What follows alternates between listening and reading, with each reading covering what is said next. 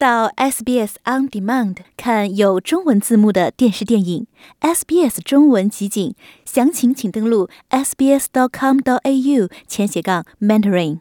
听众朋友们，大家好，欢迎您收听本期的闲话澳洲，我是雨夜。今天呢，我们要来和大家说一说有关于澳洲垃圾分类的问题啊。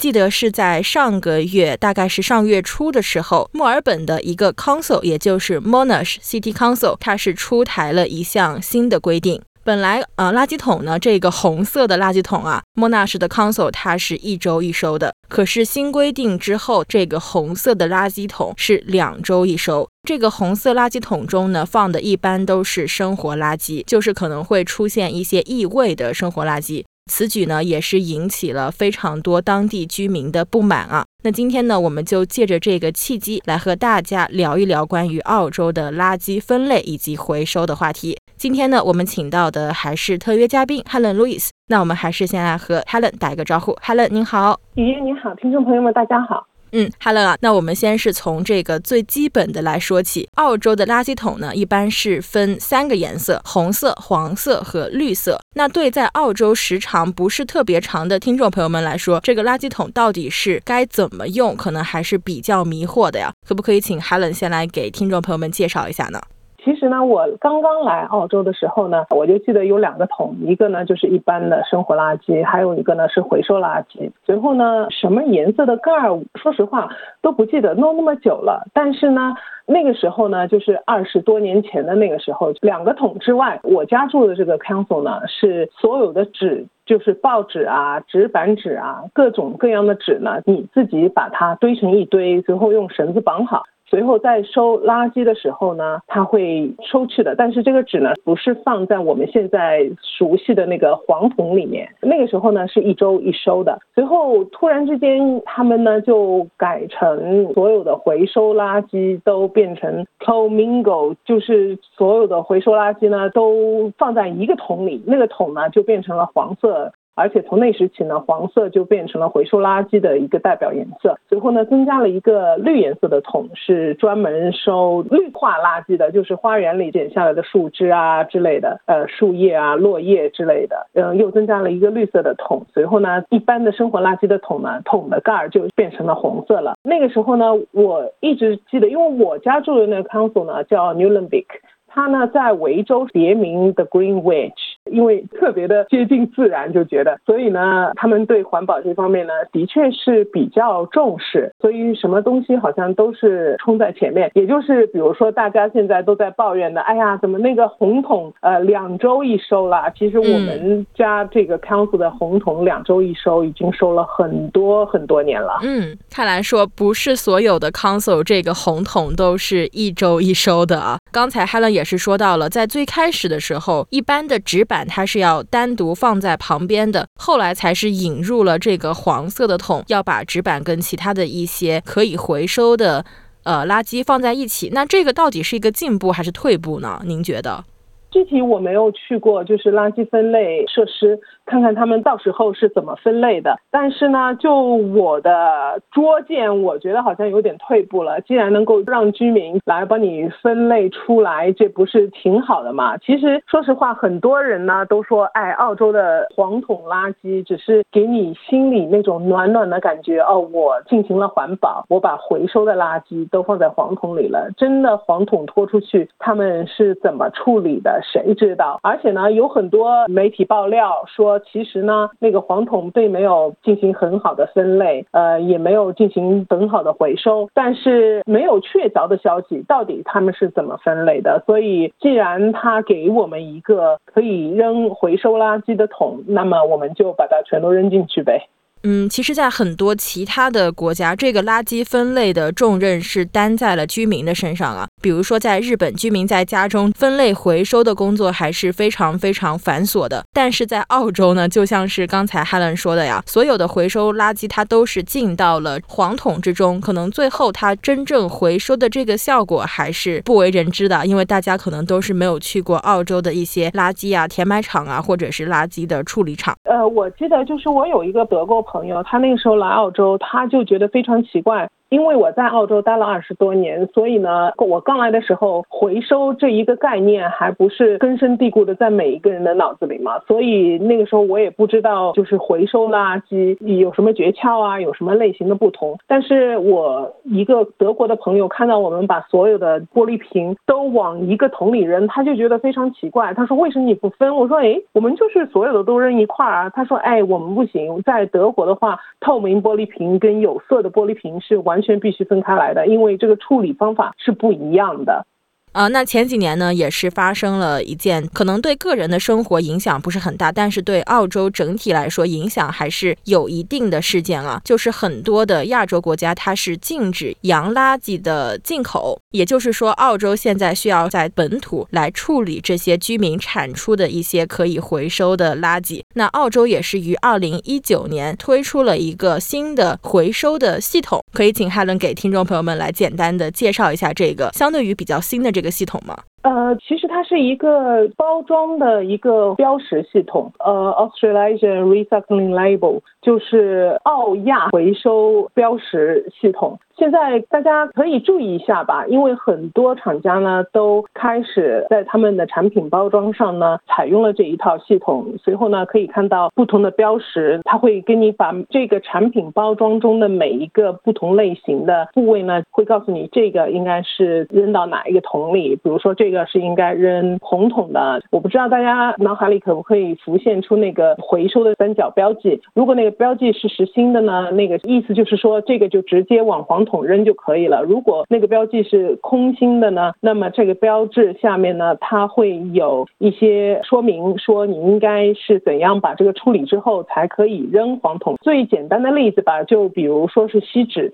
锡纸的话呢，它如果有锡纸的话，那就会是有一个标志是。三个空心的那个箭头，那个是什么意思呢？就是你锡纸必须要把它团成团，随后再扔进去。据说呢，是因为如果你不把它团成团的话呢，因为在回收垃圾分类设施，他们进行分类的情况下呢，那就比较飘，所以呢，他们的分类设备很难就把它分开。如果团成团的话呢，就是比较重一点，这样的话分类比较方便。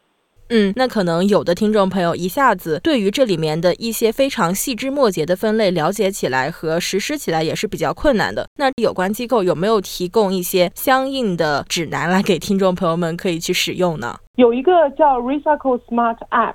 这一个呢，它就会给大家一个大致的概念吧，就是如果你看到一样东西，哎，你就觉得这个东西我不知道可不可以回收，那么你就可以去那个 Recycle Smart App 里面把它输进去，找一下看看是怎么回收的。当然了，每一个 Council 它的那个规定也不同，所以如果有疑问的话，其实最好的办法就是打个电话给 Council，就去问他一下，或者到 Council 的网站上去找一下也可以。就比如说吧，我。我家所在的那个 council 那个回收垃圾呢？大家知道硬塑料一。般都是可以回收的，但不是所有的硬塑料都可以回收。但是我们把我家的黄铜盖儿打开，在盖儿下面呢，就有一张贴纸，这贴纸上面呢写了就是哪些东西可以放进去的。所以呢，大家可以注意一下，比如说硬塑料的包装上面呢会有一个三角的回收标志，随后里面会有一个数字。呃，我们家的 council 呢，那个数字呢只要是一到五都可以。所以我就一般会硬塑料，我会看一下那个包装，随后看啊，如果是一。一到五的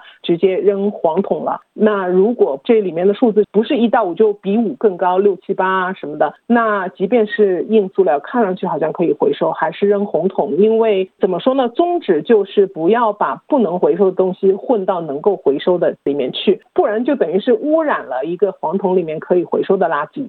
嗯，可能就是垃圾回收部门或者是垃圾处理部门在后续的处理方面也是会面临着更多的困难啊。如果把一些不能回收的软塑料给丢到了这个黄桶里面的话，那刚才呢，Helen 也是跟我们说到了呀，在这个黄桶里面一般可以放的是一些硬塑料，但是澳洲呢，其实市面上也是有非常多的软塑料的制品，比如说就说泡面桶吧，泡面桶外面一般都会包着一层薄膜，这个薄膜。膜呢，它一般都是软塑料，它其实是不可以回收的，要放到红桶里面当做生活垃圾去处理掉的。呃，那这个是不是也是澳洲一个通用的准则呢？软塑料呢不可以放黄桶，的确这是一个事实。但是软塑料呢，澳洲有一个非常好的一个回收计划，叫 Red Cycle，就是红色回收。它呢其实就是专门回收软塑料的。那个呢，在 c o s 啊、呃，Woolworth 啊，还有 Aldi 呃外面都有这个红桶。所以呢，我每次每个周末去超市去买东西的话，我都会把我积攒了一周的软塑料、塑料袋啊，各种各样的，就像你说的那个泡面桶的呃外面的薄膜啊，就积攒了一周的软塑料。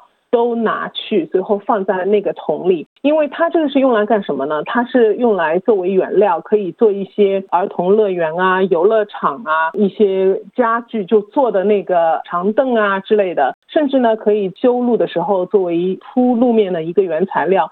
所以呢，这个个人认为是一个非常非常好的回收计划。只可惜呢，澳洲人怎么说呢？有一段时间，应该是几年前了吧，就提倡就是超市不给塑料袋，或者呢就是要收费去提供塑料袋，随后呢提供那些非常厚实的塑料袋。嗯，但是说实话，我觉得就是对那个回收无感的人，你给他再厚实的塑料袋，他也不会去反复使用它。随后他是用完一次就扔了，但是对回收有手感的人，你即便给了他之前的那种灰灰的薄薄的塑料袋，很多人其实都是用作为垃圾袋来使用的。但是现在大家都必须去买垃圾袋了，所以我就觉得这个呢有一点点表面文章，呃，有点虚伪，因为听上去，哎呦，我对回收环保特别注重。其实，在提倡超市不要再提供一次性塑料袋的那个时候，已经有那个 Red Cycle，已经有回收软塑料袋。那个回收软塑料袋已经很久很久了。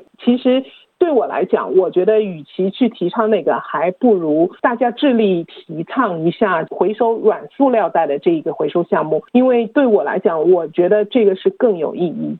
嗯，刚才 Helen 说到的这个灰色的塑料袋啊，也是唤起了我一个时代记忆吧，可以说，可能是在五六年之前吧。澳洲的超市中，它还是会提供这个灰色塑料袋的，而且也正像 Helen 所说的，比如我在内的很多的家庭都是会将这个灰色塑料袋给保留下来，来当做垃圾袋使用的，所以它也算是一个再次利用的过程。除此之外呢，澳洲现在很多的咖啡店也是开始不提供塑料的吸管了。那不知道这个是不是也是跟超市中不提供这个灰色塑料袋一样？可能更多的是一个表面文章呢。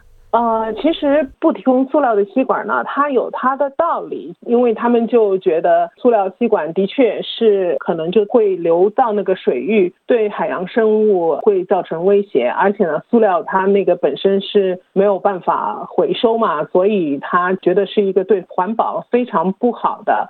但是呢，说实话，我觉得纸质吸管呢，现在提供的纸质吸管都是有蜡涂层的。所以，呃，也并不是属于可以回收的纸质。又说到刚才说的那个德国的那个朋友，那个时候我就记得他来玩的时候，我跟他吐槽，我说：“哎，这都换成纸质吸管了，索性就不给吸管。”我觉得这倒是一个真正的办法。但是，他换成纸质吸管，但是是涂了蜡的纸，那个纸质吸管最终还不是去了那个 landfill，就是到那个垃圾堆场。他说：“没有啊，纸质吸管非常好啊。”我说：“好在哪又不能回收？”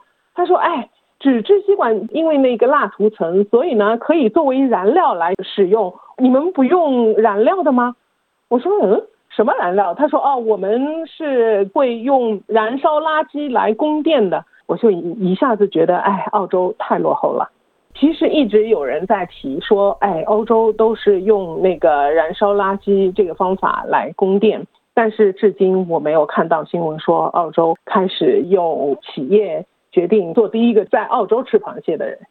嗯，可能吃这个螃蟹的成本也是比较高的呀。但是我现在在墨尔本市区的一些咖啡店看到他们是有一个新的举措，不仅仅是塑料吸管，这个一次性的咖啡杯它里面也是会有一个蜡的涂层。现在呢，我是有看到越来越多的人开始去使用自带的一个 Keep Cup 去这个咖啡店中买咖啡啊。然后有的咖啡店呢，现在也是推出了可食用的杯子，不知道 Helen 有没有尝试过呢？可食用的杯子，我貌似还没有看到过。但是对咖啡杯呢，其实又是另外一个问题。其实跟刚才雨燕你提到那个泡面桶，我就在想到，因为咖啡杯、泡面桶这一些呢，其实它当中就两层纸之间是有一层塑料的，因为这样的话就是防止液体渗漏嘛。所以咖啡杯就看上去哎是一个纸的杯子，呃，就是那种 take away 带走的那个咖啡杯。随后大家都觉得哎可以回收，但是其实是不能回收的。所以呢，他们现在对很多人都是用 keep cup，就是用自己的杯子。我记得好像疫情的时候，好像有一段时间，他们很多咖啡店就暂停用客户的 keep cup 帮他们去接咖啡，但是现在好像又重新开始了。嗯，好像疫情之后，大家对这个一次性用品的喜爱程度又呈一个上升的趋势啊，觉得这个重复利用的东西可能是有一些感染病毒的危险吧。但是怎么来说呢？现在还是很开心，能看到是越来越多的人在使用这个非一次性的咖啡杯。我们再说回垃圾回收的问题啊，现在很多的家庭因为对这个环保的意识不强，或者是对环保平时也没有放太多的心思在上面，平时也是会产出非常非常多的生活垃圾。作为我们普通人，是不是在生活中有一些可以去亲身践行的一些方法，来切身的去减少？产出的一些生活垃圾呢？呃，首先一点，我觉得就是去鼓励鼓励大家环保，鼓励大家对垃圾回收更有进一步的意识呢。我觉得其实 Council 可以考虑黄桶跟绿桶一周收一次，随后红桶呢，很多人就是。说红桶啊，我一周收一次，这个填的太满了，我要放到邻居的红桶里去，我根本不够填。其实我觉得红桶就是两周收一次，完全没有问题，只要你能够做到就是黄桶跟绿桶充分利用的话。但是我也知道，就是如果家里有宝宝的话，有纸尿裤，这个是一个大问题，因为这个是必须只能扔红桶的。当然了，除非就是你现在会考虑用布尿裤，因为现在的布尿裤跟我儿子刚刚出生的时候那个布尿裤简直是。不能比了，天壤之别。对，现在的布的那个尿裤跟那个纸尿裤就长得就差不多了。当然了，我没有用过，所以呢，我也不能就是妄下定论，就真的是那么的好。那除了有宝宝的家庭之外呢，其实我觉得其他的家庭是完全能够应付一个小小的红桶一周一次的，因为我们家那个红桶一周就有一袋垃圾在里面，大概就。填了它的三分之一不到吧，因为其他的你看能够回收的全都扔到黄桶里，软塑料去超市，所有的就是厨余的垃圾，我们。Council 的那个绿桶呢？它从那个引进绿桶开始，那个绿桶就是什么都可以扔，肉啊、骨头啊，什么都可以往里头扔。所以呢，我们什么都可以扔。因为我看到就是有很多华人朋友说，哎，他那个绿桶两周才收一次，现在夏天那个味道太难闻了。其实呢，你可以把那个垃圾分层，你可以把厨余垃圾扔下去，随后呢，就我家呢，一般来讲，我会有一个小的塑料桶，我会攒一些。干的树叶，澳洲的那个 gum tree。Gum tree 的树叶呢特别特别的干，所以呢我就会攒一些那个树叶，随后我每倒一次厨余垃圾倒到我的绿桶里去呢，我就上面铺一层树叶，或者呢你也可以在上面铺一层报纸。报纸因为可以降解，所以是可以放在绿桶里面的。所以呢，可以放一层报纸。所以每一层厨余垃圾再放一层报纸。当然了，如果你在家里就清理了一下花园，那会有很多剪下来的枝叶之类的，这个就直接放进去最好了。如果这样做的话呢，那个绿桶哪怕再炎热的夏天，一般来讲坚持两周是不会有味道的。所以建议大家可以试一试。嗯，只要是把方法 用对啊，其实两周一收垃圾也不是不可以应对的一个场景啊，还是有非常多的方法可以去把异味给减少的。然后刚才 Helen 还说到了一点，现在是有这一种可以去重复使用的纸尿裤。其实纸尿裤之外啊，现在还有这种可以去重复使用的，对女性朋友们来说可以去重复使用的月经杯或者是月经裤。现在在我身边也是有越来越多的年轻女性选择在经期的时候去做一些环保的动作呀。那最后呢，可能也是想说呀，开源节流这个应该是最重要的。如果从一开始就想到环保这个事情，可能在垃圾回收或者是在后续的处理方面，也是可以省更多的心。那 Helen 平时在垃圾的分类处理上会花很长时间吗？还是只是举手之劳呢？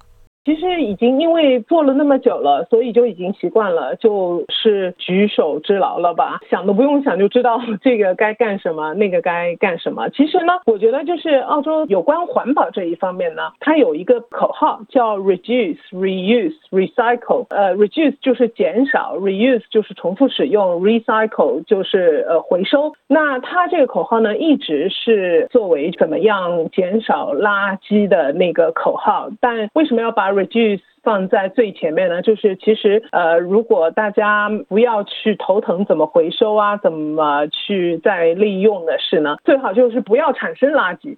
所以呢，我也看到进来我家的 cos，因为我记得澳洲它有一种黄瓜，就是 continental 欧陆黄瓜那个品种呢，以前都是会包了一层塑料膜的。随后呢，我家的那个 cos，它现在有卖散装的，就是不包那一层膜了。所以我就觉得他们慢慢的应该是把这些不必要的包装都去掉。还有一个呢，我觉得是挺有道理的。当然了，我不知道在那个作为果农操作起来是不是对他们。来讲，可能操作就不那么容易。就是有一部分人呢，在提倡，就是我们吃的苹果啊、梨啊之类，所有的水果上那个标签完全是没有必要。那我也觉得，因为那个标签其实是一张贴纸，又特别的小，又不能回收。但是那个苹果是什么，它就是什么。所以我也觉得，如果哪一天能够看到这些小标签不再贴了，那就更好了。